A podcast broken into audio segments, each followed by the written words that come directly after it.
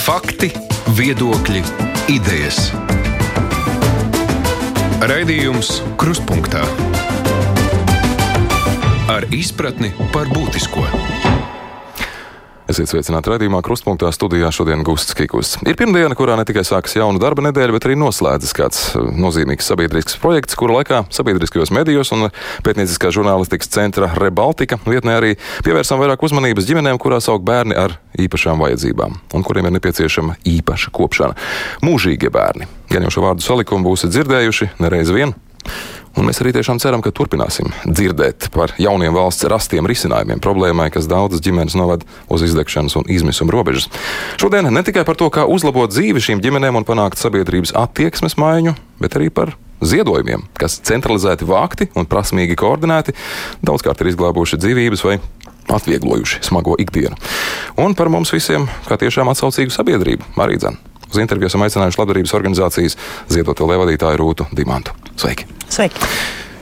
Ar mūžīgajiem bērniem es gribētu tiešām iesākt, jo tā ir šī diena, kad kampaņa noslēdzas, arī ar ieslēgtu nu, kampaņu. Tas varbūt tāds skaļi teikts projekts, kurā vienkārši mēs izgaismojam šo problēmu vairāk, un atklātā vēstule amatpersonām arī atbildīgajiem šodien ir iesniegta. Kā jūs teiktu, cik nozīmīga ir šāda kampaņa veida pievēršanās problēmām, kas mums noteikti ir apkārt, bet tiešām ir vajadzīgi tādi spēcīgi, organizēti grūdieni? Jā, es gribētu pateikt paldies gan sabiedriskajiem mēdījiem, gan um, arī Baltika par to jautājumu aktualizēšanu, jo e, tādiem sociāli maz aizsargātām grupām nav sava lobija. Jo, lai izsist cauri kaut ko saimā, ir nepieciešams lobbyis, kas iet un iestājās, teiksim, par uh, akcijas samazināšanu alkoholam vai kaut ko tādu, nu, kur ir kaut kādas uh, biznesa intereses, tad tās grupas spēja parasti noalgot labus lobbystus un iet un pierādīt, ka šis ir svarīgi. Tādām grupām kā mužīgie bērni, tad, tad ģimenes, kurā aug bērni ar īpašām vajadzībām, smagi slimi bērni vai smagi slimiem cilvēkiem. Viņiem nu, sociālā jomā parasti nav šāda lobby, jo viņi nav maksāt spējīgi. Un, eh, tieši tāpēc tas ļoti tik, tik svarīgi, ka e, gan sabiedrībai tiek pavērts priekšstats uz šo ģimeņu ikdienu, jo dien, dienā, es domāju, lielākā daļa klausītāju nesatiek šādas ģimenes, gan politiķiem, un, uh, gan izpildvarai. Jo, ja tev, eh, tavā dienas kārtībā uz galda nenonāk šis jautājums, nu, tad viņi neierauga. Tas virpulis ir pietiekami liels, kā mēs zinām, gan ar dokumentu apriti, gan ar problēmām, kas jārisina. Eh, tieši tā nāk viena otra problēma, visiem vajag, visiem sāp. Ja? Bet šī ir tāda, nu, es teiktu, arī neredzamās ģimenes. Gan mūžīgie bērni, bet neredzamās ģimenes. Un, uh, tas, manuprāt, ļoti svarīgi par runāt, jo es domāju, Latvijai ir svarīgs katrs bērns, bet par to es pārliecinātu. Parādīt tiešām, ka viņas ir ka viņas ir šeit un lai viņas kļūtu redzamas. Bet tomēr par to bakstīšanu, skubināšanu, mudināšanu, atgādināšanu ir kā cilvēciski, vai ne? Kā mēs runājam, daudz dažādu tēmu, dažādu uzdevumu. Labi, ka kāds pasaka priekšā lobbyis arī ļoti svarīgi, bet uh, noteikti ir jomas, kurās, kā mēs redzam, var saņemties brīnumaini ātri arī paši pie varas esošie šeit. Arī es tā uz jūsu sacīto velku, kas bija aprīlī, man šķiet jau par Covid-19 lēmumiem, kas tika pieņemti nu, vienreizēji organizēti Latvijā. Nu, Covid-19 skar visu sabiedrību, un tur nav, nav varianti teikt, ka, ka tur nav nav, e, tā nav svarīga tēma vai ir svarīga. Tā, tas, kas svar, skar visu, ikvienu sabiedrības locekli, tās, tās tēmas daudz vieglāk nonāk uz, teiksim, politiķu un izpildvaras e, dienas kārtības uz risināšanas, bet tas, kas e, skar šaurākas jomas, tur ļoti grūti, nu, tai balsī tikt sadzirdētā. Viņai ir apmēram 8000 ģimenes, kurās aug bērni invalīdi, bērni ar īpašām vajadzībām. Nu, viņi nav uz mūsu nepilniem diviem miljoniem, viņi nav tik daudz, lai viņi būtu tik skaļi. Tā ir viena lieta, un otra lieta, ka Šiem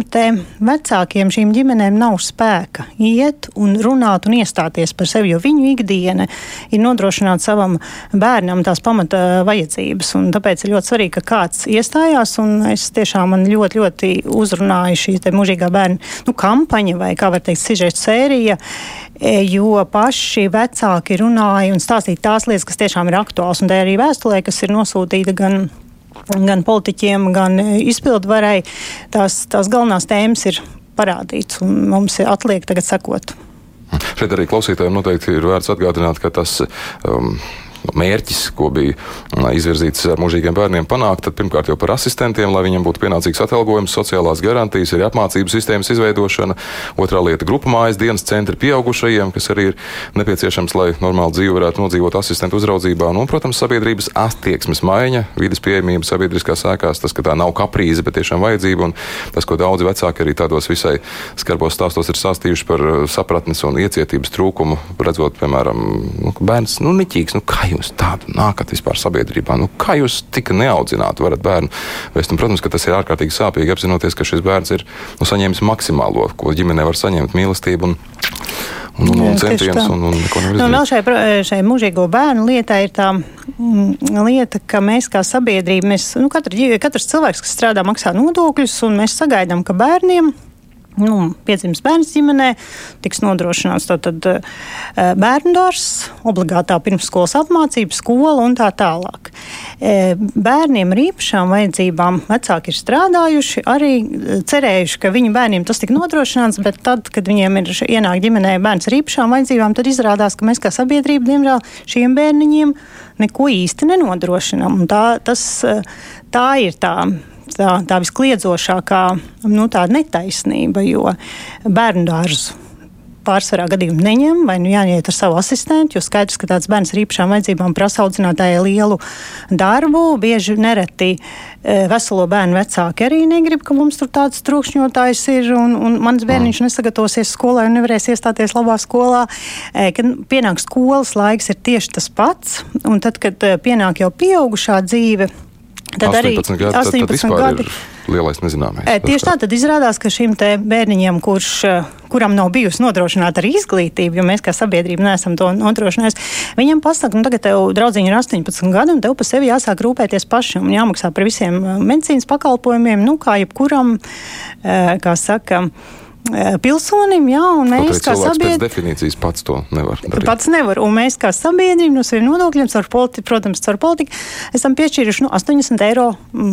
Izdzīvošanai, ja, par ko arī tikko bija uh, satversmes tiesas um, šis spriedums, ka tas ir netaisnīgi zemes ienākums tiem cilvēkiem, sociālais šis nodrošinājums, kuri nevis negrib, bet nevar strādāt. Nu, tad iedomājamies to, to ģimeni, kurā ir šāds bērns, kur, kamēr bērniņš ir maziņš, vecāki viņu var iznēsāt uz rokām, bet ja viņš aug lielāks, jo tas ir grūtāk. Un tagad tu ej, aizej uz pašvaldību, saprast, kas tad pienākās, jo mēs zinām, ka izglītība ir bez maksas, veselība bērniem ir bez maksas, tad tu saproti, ka, neko, ka nekā jau īsti nav. Tu nemāki paprasīt, tu nezini, kas tas ir. Par prasīšanu vispār tas vēl atsevišķs temats arī. To Jā. noteikti skars mēs par to piedāvājumu. Tomēr arī gribu vēl pievērsties piedāvājums iepratim, um, iepratim tam, kas viena lieta teorijā un otra lieta praksē, jo mēs arī, arī šīs izžetas sērijas laikā esam uzzinājuši, ka valsts piedāvā gan psihologu konsultācijas, gan asistenta pakalpojumus, tehniskos palīglīdzekļus, elektroenerģijas atvieglojums, protams, tur atelpas brīdis šis pakalpojums bet kaut kas ir uz papīra, bet kaut kas uh, pavisam cits, kā stāsta paša ģimenes, ir praksē, ka tev ir jāiet, jālūdz, jāmeklē. Reizēm tu neatrod, reizēm tu atrod un secini, ka nē, tas tev nedara. Tev atkal ir jālūdz, un atkal tas nedara. Kāpēc tur tāda atšķirība veidojas? Nu, redz, ļoti daudzi tie pakalpojumi ir formāli. Viņi uz papīra ir. Ja mēs te paskatīsimies ministru kabineta noteikumus, tādus un tādus, tad it kā jau viss ir aprakstīts ļoti skaisti. Un lūdzu. Ja? Bet kā viena kundze mums reiz teica, ziedot LV, viņa iegriezusies, ka dzīvē nav tā kā ministru kabinetā. Un tiešām dzīvē tā nav, lai jūs izburtos cauri un saprastu, kas tad manam bērnam pienākās. Tas ir pirmām kārtām eh, ir jābūt jurista izglītībai, lai saprastu normatīvos aktus, un otrā kārtām tev jāsaprot, ko tev pajautāt. Un, manuprāt, tā ir tā atgādnā pieeja, jo es uzskatu, ka ja nu mēs esam vienojušies, ka izglītība bērniem nu, līdz 9. klasē pašlaik vidē, e, tad, tad pamatizglītība ir bez maksas un visiem jānodrošina. Tad arī jānodrošina arī šiem bērniem iespēja mācīties. Nevis vienkārši, nu, ziniet, nu, mums nav bērnu dārza, mums nav skolas, ka nevis vecākam vajadzētu iet un lūgt pašvaldībai, bet ka būtu e, nu, tā tāda piedāvājums jau noformēts šis grozījums. Tas ir viens no šīs sižeta sērijas mērķiem, mēģināt to riteni no otras puses Otrādi. Jā. jā, jo tu nemaz nezini, ko tev vajag. Ienāk bērns ģimenē ar īpašām vajadzībām, vecāki. Pirmkārt, jebkurā gadījumā, tad, kad piedzimst bērns, mums daudz kas ir nezināms. Mēs Absolut. nezinām, vai ne? Mēs tā kā e, pie balts lapas un tagad domājam, ko nu darīt. Bet, ja ienāk ar īpašām vajadzībām bērniņš, tas ir divi tik grūti. Un e, tie vecāki pat nemaz nevar iedomāties, ko viņiem vajadzētu, kāda veida palīdzību. Arī šis te pats psihologs vai psihoterapeits e, e, visi mazu bērnu vecāki, mazu bērnu vecāki zināms pateikt, ka tam nekam nav īsti laika. Jūs kā vāvē ritenī no vienas barošanas, otrs tad ārsts un tā tālāk, par sevi laika īsti nav. Un tad, kad bērns e, paaugās, nu, viņš sasniedz trīs gadu vecumu, viņš aiziet bērnu dārzā, nu, tad vecāka e, sāka uzelpot un sāka laiku veltīt sev. Bet šiem mūžīgo bērnu vecākiem tāds laiks neiestājās, viņiem arī neiestājās tāds laiks, ka, ka septiņu gadu vecumā mēs visi, kuriem bērni ir veseli, varam viņus atstāt viens pašs mājās. Un, pateicoties Covidam, mēs redzējām, ka bērni sēž mājās, mācās, vecāki iet uz darbu. Šīs ģimenes to nevar izdarīt. Un tāpēc vajadzētu otrādi, ka, ka tie, kas ar to nodarbojas, sociālā dienas, kuriem, šie, kuriem ir redzējuši, ka ir tādas ģimenes pirms tam, viņi zina, ko vajag, kā palīdzēt, lai vecāki neizdeg. Jo tu pats jau tajā ritenī bieži vien. Uh, Uh, nu, nemaz nevar izkāpt un paskatīties. Un tas, manuprāt, būtu tā ļoti cilvēcīgi, ja mēs nāktu pretī. Bet tik daudzus gadus, būdamais saistītā ar sociālo atbalstu, dažādiem pasākumiem, ar ziedošanu, protams, ar labdarību. Kāds jums ir skatījums no malas, kāpēc tas tā ir? Šis samezglotā piekļuve kaut kādam pakalpojumam, tas ir nu, tā brutāli jādomā, ka sistēma pati sevi sargā nosacīti ar birokrātiju no liekiem izdevumiem, bet tomēr tā ir kaut kāda tradīcija, nu, sliktā pēdiņās nozīmē, kas ir grūti pārkāpjama, ko varētu pārkāpt, tikai nu, dikti, dikti jāsaņemas. Ir. Kas, kas ir tas iemesls? Nu, es teiktu, vienaldzība. Nu, kad tā ir vienaldzība, nu, Dievs, es tiku galā ar bērniem, lai jau viņi arī tiktu. Nu, tāda vienaldzība un neiejušās, nespēja empātiski iejusties, kā tas. Uh, bērns un kā tā ģimene un veselē bērni jūtās. Tas iznāk, ka cilvēks ierēdnis ir nu, citādāks nekā cilvēks tēvs, cilvēks mamma kaut kā tā. Es domāju, ja, viņi, ja šie cilvēki, kas nodarbojas ar lēmumu pieņemšanu un izpildi, ja viņi nav empātiski, viņi nav iejutušies, kā tas ir, un nekad nav satikuši dzīvu cilvēku, bet tikai papīru, nu, tad, tad eh, mēs nevaram to nemaz prasīt. Ja? Un es, man teiksim, tāds salīdzinājums ir, tad, kad es biju students, manuprāt, man bija 15 lats stipendija, ja nemaldos. Un man likās, nu, ka es, nu, es zināju, kā es tur dzīvoju. Tagad es nezinu, kā studenti dzīvo, jo bērni vēl nav studentu vecumā.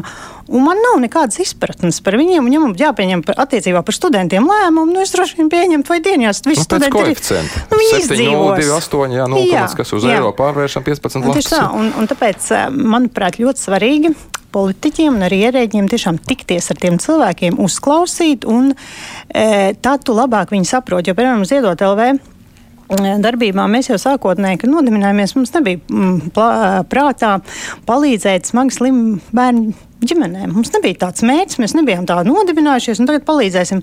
Vienkārši tās ģimenes nāca pie mums, lūdza vienu, otru un trešo palīdzību, un pamazām saprotot, kādā viņi ir purvā vai auzās ar šo situāciju, kā viņi nabadzīgi kuļās. Man, e, tā empātija, kas ir teiksim, manām kolēģiem, radīja piemēram tādu programmu kā Mīļā auklīte. Mēs jau no 2008. gada īstenojam tādu programmu, e, ka ģimenē, kurā aug smags slims bērns, un nevis vienkārši tāds bērns, kas jāizved uz skolu, bet tāds, kas guļ gultā pie sistēmām, no tracheostomām savā mājā, palaist vecākus vienu dienu nedēļā attālpā, tā kā piešķirt auklīt, astoņas stundas nedēļā apmaksāt no ziedojumiem cilvēku, apmācītu šie ģimenē un palaiž, teiksim, mammu un tēti uz veselā bērna Ziemassvētkiem. Ja? Nu, nu, tādu mm, cilvēcisku programmu un uh, ievieš tieši skatoties uz to, nu, pēc, faktiski tā, jebkurš pakalpojums vajadzētu arī veidot, dizainēt, kā, kā mums ierēģi saka, dizainēt.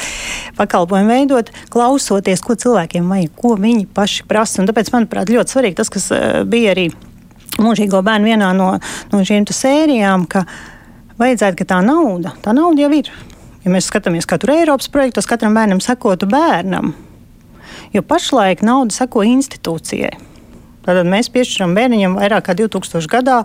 2200, ja nemaldos, atelpas brīdim, bet mēs nevis to sakam ģimenei, ka viņi var izmantot kā tā attēla būtu labāk ģimenē, bet mēs sakām, jums ir ēlējā pansionāts, kur varat aizvest bērnu slimnīcu un varat uz liepāju. Tāpēc, ka mums schēma paredz tā, un tur pielāgojies. Ka nauda sako institūcijai, ja, bet viņi nesako e, ģimenē, un, un e, tāpēc arī tagad, ka, ka teiksim, labklājības ministre paziņoja, ka, viņi, ka tagad numur viens prioritāte būs asistentiem e, paprastīt nākamā budžetā lielāku atalgojumu, nu tas nav risinājums, es uzskatu. Tas jau tikai pēc tam varbūt līdzeklis, jo Bet kas tad būtu tas galvenās gaidas, tas galvenais risinājums, ko mēs varam šeit sagaidīt? Tā riteņa iegriešana no otras puses, kā mēs runājam pēc būtības, skats uz vajadzībām, naudas novirzīšana, lai tas seko bērnam, nevis institūcijai. Tas būtu kā primārais um, es teiktu, sasniegums. Jā, es teiktu, jā, tev bērnu nemaz nav tik daudz lai mēs katram nesastādītu viņa ģimenē, viņa situācijai atbilstošo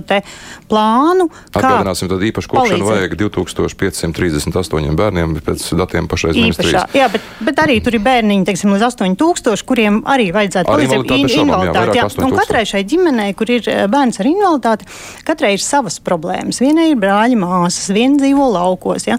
Un ja mēs katram, nu viņi maz ir 8000 vai 2200 ar šo īpašu, tas ir ļoti maz, ja mēs katram tiešām apskatītos, kas tieši viņam vajag. Ja jūs arī nu, klausītāji noteikti dzirdējušās, ģimenes neprasa naudu. Viņas neprasa naudu, viņas prasa palīdzību konkrētu uh, situāciju risināšanai. Un, ja mēs varētu nevis birokrātiski pateikt, nē, tāda pakalpojuma mums nav, bet nu, pielāgoties. Ja? Nu, tā, ka, tā kā tas ģimenē notiek, tad, kad uh, piemēram, vesels bērns saslimst un jāiet abiem vecākiem uz darbu, nu, tad ko darām? Apzinām vecmāmiņas, auklītes un pielāgojamies tai situācijai nevis kā saka, saka ma mammai būs slimības lapa un viss, vai ne? Bet varbūt mammai tajā brīdī jāiet uz darbu, ir svarīgs kāds atskaits no, nu, kad elastīgi, un šīm ģimenēm arī es uzskatu, ja būtu elastīgi, piemērots, ieinteresēti. Un nevis tā formāli, kā tagad, teiksim, bērniņam līdz pusotram gadu vecumam ir šī auklīte valsts apmaksātā un pašvaldība, pēc tam līdz piecu gadu vecumam nav nekā, no piecu gadu vecuma asistents sākās, lai aiziet uz skolu. Nu, tad, kur mums Nu, tāpēc, ka asistents ir tas, kurš palīdz kaut kur aiziet. Bet, ja bērns ir ar tracheostomu un guļ gultā, piecos gados viņš ir asistents. Nu, kāpēc viņam, nu, viņš nekur neiet? Ja? Nu, e, paši esam sapinušies savos terminos. Mums ir aprūp mājās, asistents. Un, godīgi sakot, es nevaru izburties tiem visiem terminoloģijai cauri, kas kuram pienāks. Jā, jautājumu tiešām arī šajā sižeta sērijā mūžīgie bērni uzdots ļoti daudz, un es ceru, ka tās atbildes arī viena pa vienai vismaz drīzumā varēs ienākt. Bet mums jāatgādina, ka vēl cits projekts arī, kam sabiedriskie mēdīji ar Ziedot LV kopā uzmanību pievērs pagājušā gada nogalē paliatīvās aprūpas problēmu, gan šķidrās pārtikas, gan higienas preču nodrošinājums tiem cilvēkiem, kas, no, diemžēl, ir neārstējami slimi un kam cieņpilni jāļauj aizvadīt pēdējais, tas nevienkāršais laiks šajā saulē. Kā tur ar sasniegumiem? Sasniegumiem un pārmaiņām, ko šis projekts iekustināja. Jo ar 1. jūliju bija plānots, ka būs, un tad vēl divas nedēļas kā, um, solījums atlikās um, par šķidrās pārtikas nodrošināšanu mm. valsts apmaksāto. Vai var teikt, ka nu, tomēr par to ir gandarījums? tas ir pakustējies. Jā, šī medicīniskā pārtika, ko caur gastrostomu ievada, tātad šķidrā pārtika, tās nu, ir īstenojies. Tiešām pateicoties šai gan Ziemassvētku, gan sabiedrisko mēģinājumu kampaņai pirms tam izmisuma zonā. Un, uh, Pašlaik vajag teikt, ka tie cilvēki, kuriem vajag nodrošināt šķidro pārtiku, lai nenomirtu badā, viņi to saņem no valsts. Ja? Tas, tā ir tāda sabiedrības uzvara, un tas arī parāda, ka ir svarīgi par tēmām runāt un turēt konkrētus datumus un jautāt, jo Un tā ir tāda pamatlieta, jā, lai cilvēks nenomirtu badā. Bet, teiksim, ja mēs runājam par palietīvu aprūpi, nu kas tas ir? Tas ir eh, nedziedināmi slimi cilvēki. Tātad tas ir tāds, tāda situācija, kad ar medikamentiem vai ar eh, operācijām vairs neko nevar izdarīt. Nu, cilvēki nevar dziedināt. Viņa stāvoklis ir smags, bet stabils, kā saka. Un tad, ja mēs paskatāmies uz mūžīgiem bērniem, tad daudz šie mūžīgie bērni jau bērna vecumā ir palietīvā aprūpē. Un tad, kad viņi pieaug, ja viņi izdzīvo līdz 18 gadiem, viņi joprojām ir. Tur tas, tas jautājumu lokus ir daudz. Daudz plašāks un palietīva aprūpe vēl tādā ziņā, ka tajā var nonākt jebkurš, jebkurā brīdī. Teiksim, pēc autokatastrofas, ja jūs guļošs un, un, un aprūpējams, vienalga 20, 30 vai 50 gadi. Tā arī ir palietīva aprūpe. Tas ir kā faktiski nesaraujami jāskatās kopā ar mūžīgiem bērniem. Mums viņi nav jāskatās atrauti, bet eh, tai sociālai palīdzībai vajadzētu, nu tad, kad ģimene netiek galā ar kaut kādu izjaukt ģimenes funkcionēšanu dēļ tā, ka ir vai nu smags, smags slims bērns vai smags slims, teiksim, radinieks, tad um, palīdzēt to, to atspērties. Jo kas, um, nu varbūt, ka ir tāds teiciens sēdēt mājās ar bērnu. Droši vien visas jaunās mammas paliek niknas, ka to saka, jo tu mājās nekad nesēdi ar bērnu. Tas ir smags darbs visu laiku. Jā, saka, tā iedomāties uzreiz, pat jā, tur jāizdomājas, ko tas nozīmē. Sēdēt, sēdēt mājās ar bērnu ir jā. tāds teiciens, jā, un tad, tad mm, tie cilvēki, teiksim, ar palietīvu aprūpi, viņi sēž mājās ar savu, teiksim, sievu vai brāli vai mammu vai tēti. Un kas mums kā sabiedrībai, ja mums nav empātijas, teiksim, Bet mēs e, gribam izskaidrot tikai visu Excelī, arī tad mums ir neizdevīgi, ka šī, šie e, sēž mājās, mammas vai tēti vai radinieki ar bērnu vai ar šo pieaugušo palietīvo, jo viņi darba tirgumi ir zuduši. Nu, neražo nodokļus, viņi nodēļ, nodokļu patērētāji. Mums būtu svarīgi arī mūžīgo bērnu kontekstā un arī palietīvās aprūpas kontekstā, kad ir cilvēki, kas ir augsti kvalificēti, nevis kopi savu smagu slimo radinieku, bet iet darbā, rada pievienotu vērtību un rada nodokļus. Un, savukārt, tie cilvēki, kas ir aicināti būt kā, strādāt sociālu darbu, iet un sēž mājās. Nu, nevis sēž, bet, protams, smagi strādā, aprūpējot smagi slimu bērnu. Trakākais jau ir tas, ka pat mājās nosacīt sēžot uh, ar to naudu, kas ir, jau nekādā veidā arī nepietiek. Noteikti ir vērts atgādināt, ka smaga slimi, smaga slima cilvēku neārstējuma kopšana, nu, tie nav daži desmiti vai pat simti eiro mēnesī. Tieši tā, un, teiksim, ja bērnu kopšana, ļoti smaga slima bērnu kopšana mēnesī valsts no šī gada 303 eiro pie, nu, nodrošina, iepriekš tie bija 200 vai 313, iepriekš tie bija 213 eiro, tad iedomājieties, ka vienam vecākam, kurš varbūt ir strādājis pirms tam, nu, saņēmis, teiksim, valstī vidēju algu, nu, 1000 eiro, kas mums ir, vai 900 uz papīra. Nu, tagad viņam ir jāsēž no šiem, te, jāsēž, kā es saku, e, 300 eiro. Par to naudu gan ir pašam jāizdzīvo, gan jākop šis bērniņš. Nu, tā ir nabadzība. Un es teiktu, ka smags slims bērns vai arī smags slims pieaugušais ģimenes loceklis ilgtermiņā noved visu ģimeni nabadzībā, jo uh, zūd tās prasmes. Strā, tā, teiksim, tās mammas, kas atgriežas pēc bērnu kopšanas atvaļinājuma, vai tēti, kurš nu sēž, sēž kurš aprūpē bērniņa, ja? viņiem atgriežoties jau arī ir grūti. Teiksim, ir gads, pusotrs izkritis no šīs profesionālās aprits, ja? Un, bet nu, tu vēl vari kā, ātri mēģināt ielikt apakaļ darba tirgu. Bet, ja ja tas ir ilgāks laiks, tad ir daudz grūtāk.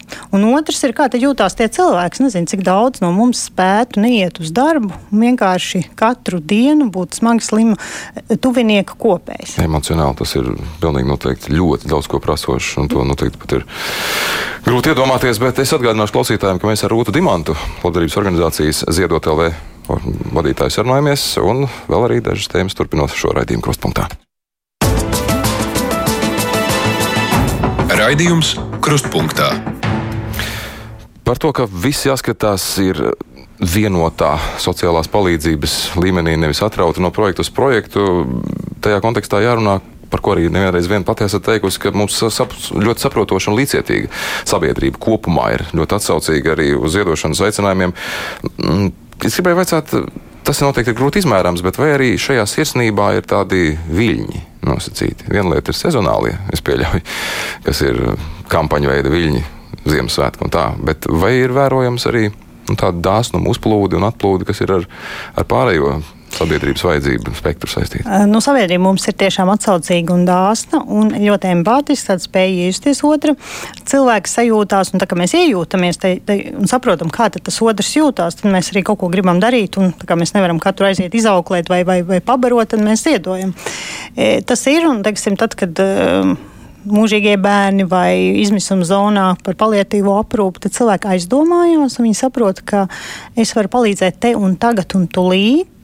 Un, uh, lai ģimenes, teiksim, kā ar šo te enterālo pārtiku vai medicīnisko pārtiku, varētu sagaidīt to brīdi, kad to valsts no nodokļu nomaksātiem naudām nogarantēs. Tā kā, nu, tā kā tagad ir valsts apmaksāta pārtika. Tas ir tas ziedošanas kā, nu, uzdevums nevis e, lāpīt e, budžeta caurums, bet nodrošinās to, kas te un tagad vajag. Jo skaidrs, ka birokrātijas. E, dzirna smaļ lēni un smagi. Un e, nevienmēr var sagaidīt, teiksim, cilvēks, kuram vajag ēst šeit un tagad, izrakstoties no slimnīcas ar zonu. Viņš nevar gaidīt pusgadu, kamēr pieņems noteikums. Tad var nākt tālāk sabiedrība, bet uz ziedojumiem nevar balstīt, teiksim, ilgtermiņu tādas struktūrālas lietas, nu kā lielus pakalpojumus vai dzīvības nodrošināšanu. Tas nav iegājies, ka tas jau tā ir kļuvis par nu, tāda šai svētīgai tradīcijai tādu blakni, atslābinošu pārliecību, ka, nu, ja kaut kas galīgi aizies greizi, gan jau sametīsies sabiedrība. Bet tā nav tā, tā negatīvā šķautne tam, ka pārāk pierodam pie tās nu, iespējas uz ziedojumiem atbalstīties grūtā brīdī? Nu, es ceru, ka tā nav, bet dažkārt tiešām tā ir. Mēs esam pat saņēmuši savā laikā, pirms vairākiem gadiem, no saimnes vēstuli, kur nosūta, lai mēs risinām kaut kādu jautājumu labdarības organizāciju. Deliģējot, jums. deliģējot vai ministru kabinets pirms vairākiem gadiem no ministru kabineta mm, biroja bija atsūtīts, ja, ka lūdzu tieciet galā palīdziet šim cilvēkam. Nu, kad varbūt brīžiem nav izpratnes, ja, ka tā ziedošana nav pienākums, tā ir privilēģija, ka, es, ka man ir ar ko dalīties, un es gatavs pilnīgi svešam cilvēkam kaut ko iedot.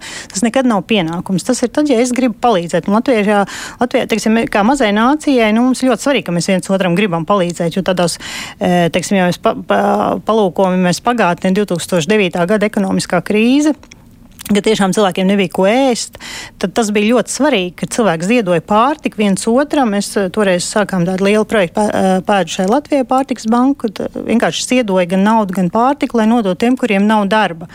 Un eh, paldies Dievam, ka pašlaik Covid-19 apstākļos nu, mēs jau bijām gatavi kā sabiedrība šādām situācijām bija dīkstāvs pabalsts un daudz vairāk pabalstu, ja neatkārtojās, kā tas bija eh, 9, 2009. gadā. Un tas tikai parāda to, ka kaut ko ar ziedojumiem uzsākot, nu, var arī tālāk cerēt, ka to pārņems valsts. Tāpat arī ar medikamentiem ir. Bet tas ilgtermiņa redzējums arī apliecina to, ka ir mainījusies situācija tieši no sabiedrības eh, vajadzību un vērtību viedokļa. Nu, pirms gadiem, 10, 15, pirms 17, ja nemaldos ziedot, lai vispār sāktu Jā. darbu. Tas nozīmē šo griezumu skatoties. Tagad tiešām vairāk rehabilitācijas, sistēmisku jautājumu risināšanai, ne tik daudz palīdzībai pārtikai. tas Jā, es teiktu, ka badu vairs neviens nemirst, kādas bija tiešām ekonomiskās krīzes laikā, kad nebija ko likt uz, uz, uz galda cilvēkiem, savām ģimenēm.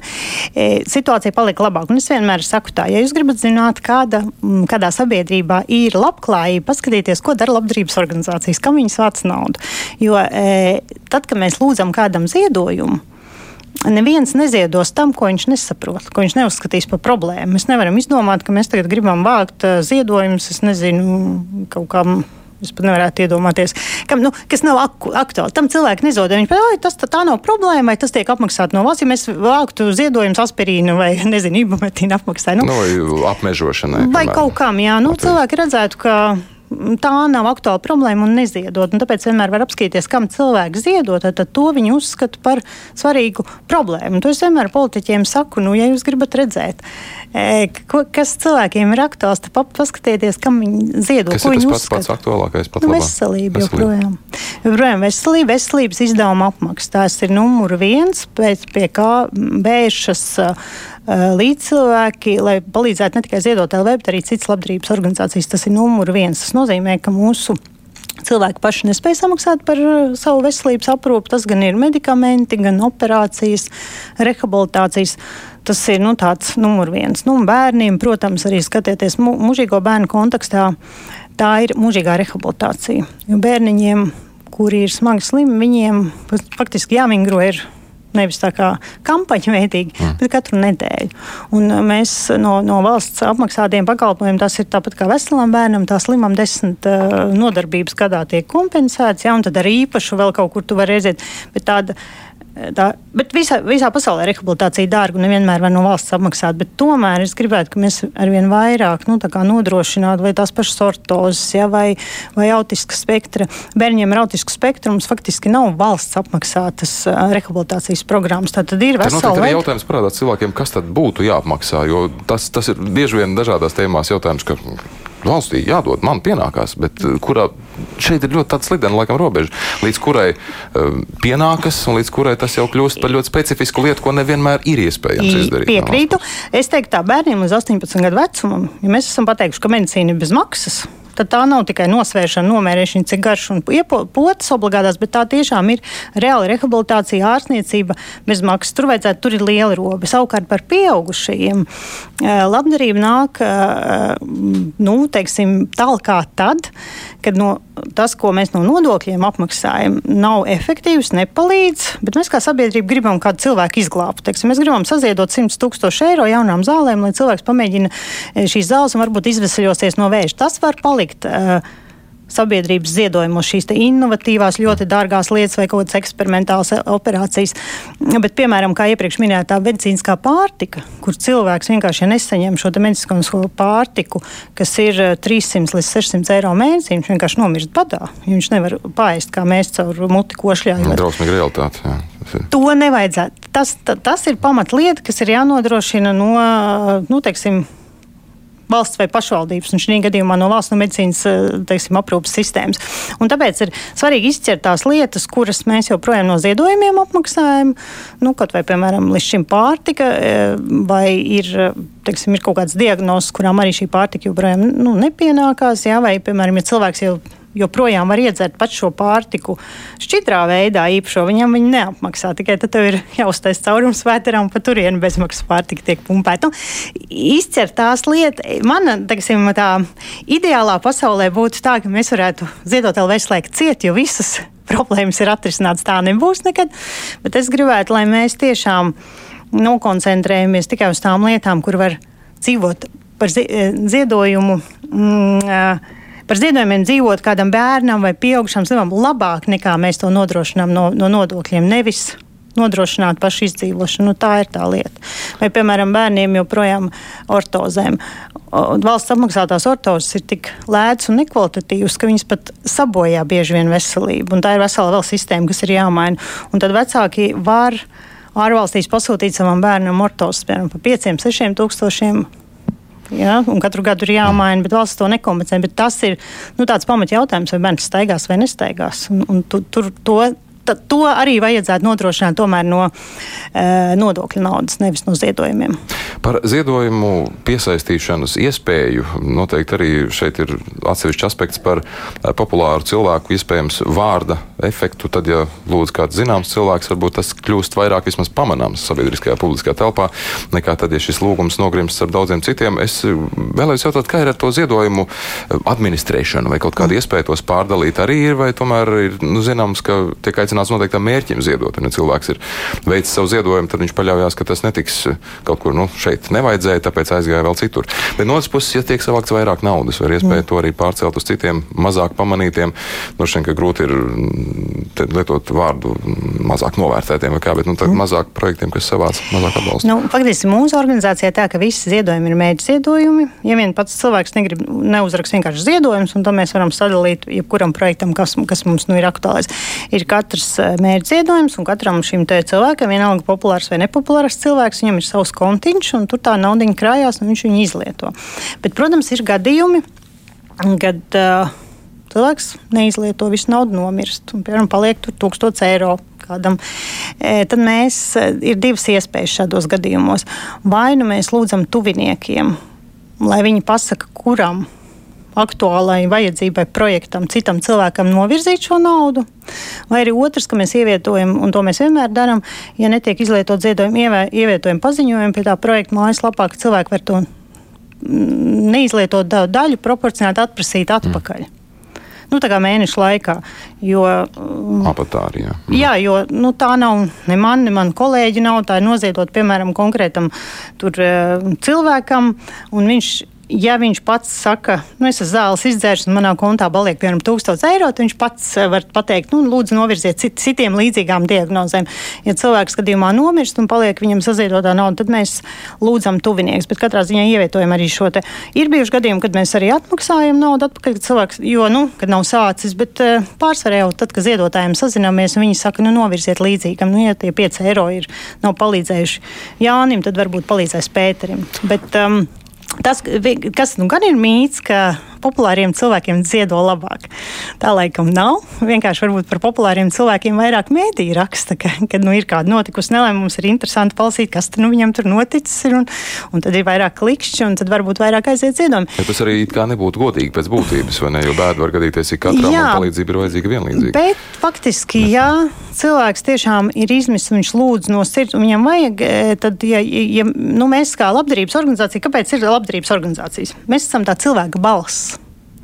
Jo, Cik daudz tiek līdz jūsu balsī, līdz tam nu, pastiprinātājam? Jo tas jautājums, ka daudz varbūt pat neiedrošinās palūgt. Tas arī ir grūti to izdarīt. Tieši tā, lūgt ir ļoti grūti un ļoti daudz. Tāpēc es cilvēkiem saku, ja jums ir bezizējas situācija, nekautrēties un, un, un lūdzat, un jums tas dots. Nu, mēs zinām tos teicienus, bet mēs tiešām cenšamies palīdzēt visiem, ja, nu vien, ja vien tas ir argumentēts, teiksim, ar ārzīmju ja, lūgums. Ja.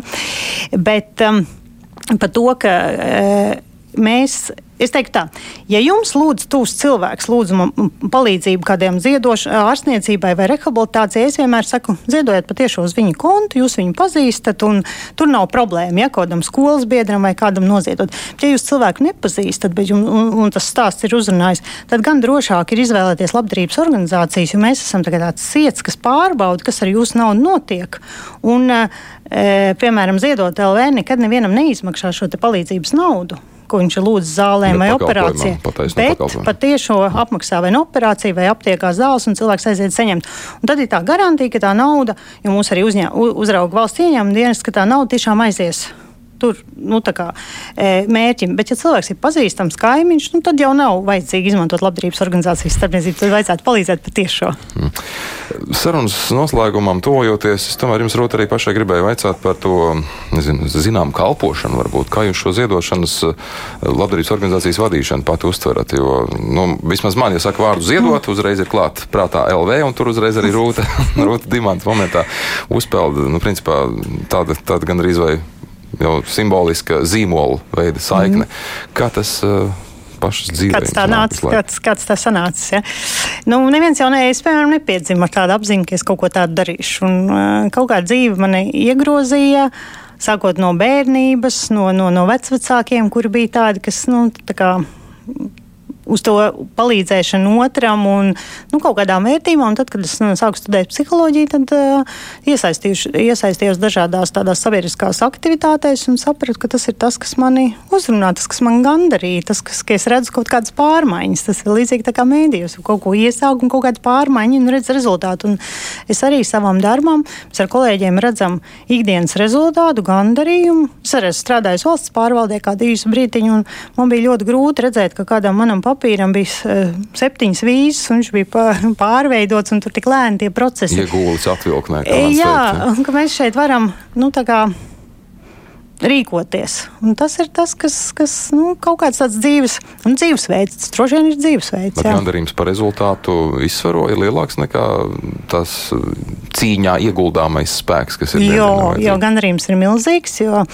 mēs tiešām redzam, ka mēs kopā ar citiem cilvēkiem, nu mēs kā, kā ziedot LV kolektīvs, mēs esam astoņas kolēģis. Nu, mēs viens neko nevaram izdarīt, bet mēs redzam, ka tam, kam mēs ticam, teiksim, palīdzību smagi slimu bērnu ģimenēm, kad notic vēl kāds, un mēs varam kā, būt tas, tas viņu balss un, un, un, un palīdzību, un kad mēs pēc tam, tad, kad izdodas, tad abās pusēs ir tas prieks, un tas tas gandarījums, ka tu saproti, ka ir jēga ka dienas beigās saproti, ka tavai mm, dienai nodzīvotā ir jēga, ka kaut kas labs panāks. Un kaut kā tā dzīve tā man ir ielikusi te, un es gribu pateikt paldies mammai un arī tētim, kurš jau ir Austrālijā, nu, ka viņi man ļāvuši būt tādai, kā, kā, kā, kā es esmu, un, un īpaši kolēģiem, jo es jau, mums tāds teiciens ir, ka.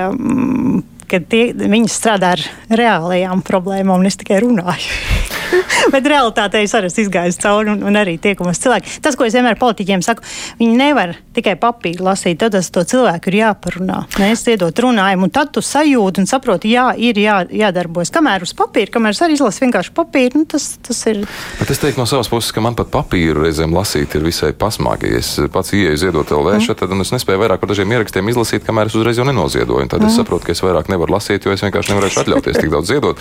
Tad es izēju un pēc kāda laika atkal es saprotu, nu, ir pienācis laiks iet. Es vienmēr saku, pa priekšu jānodrošina savu ģimeni, un tad var ziedot. Jā? Tas ir ļoti svarīgi, jo, jo lai, lai nav jārūpējas par jūsu ģimeni. jā, bet nu, tas stāsts par to, ka tu laid caur sevi tās emocijas, jā. tas uzreiz, nu, nevar būt tā kā augsta klints, tīri matemātiski rēķināt tā, ziedams mm. pa labi, pa kreisi, tā, tā maciņā mm. tas, un reizē caur sevi laist visus smagos stāstus arī nevar. Tas vidusceļš, kur, kā? Nu, mēs laižam visus tos empātiski iedziļinamies, bet mēs redzam to risinājumu. Mēs tā kā varam nosēsties blakus tai ģimenei, kur varbūt tajā brīdī ir izplūdus asarās, un, un, un pateikt, kāds ir tas reālais ceļš, ko tad darīt. Būt tā kā tāds padomdevējs, kā tāds mentors, kurš, kas starp citu šiem te mūžīgā bērnu ģimenēm būtu ļoti svarīgi, ka katram būtu tāds klāt padomdevējs, kurš no malas paskatās un, un, un saliek pa plautiņiem. Tagad izdarīsim to un paskatīsimies, kā būs. E, mēs arī apraudamies no tās, nu, tā netaisnība, no tās netaisnības sajūtas, nu, kā vienam cilvēkam kaut kas dzīvē tāds var uz, uzlikt.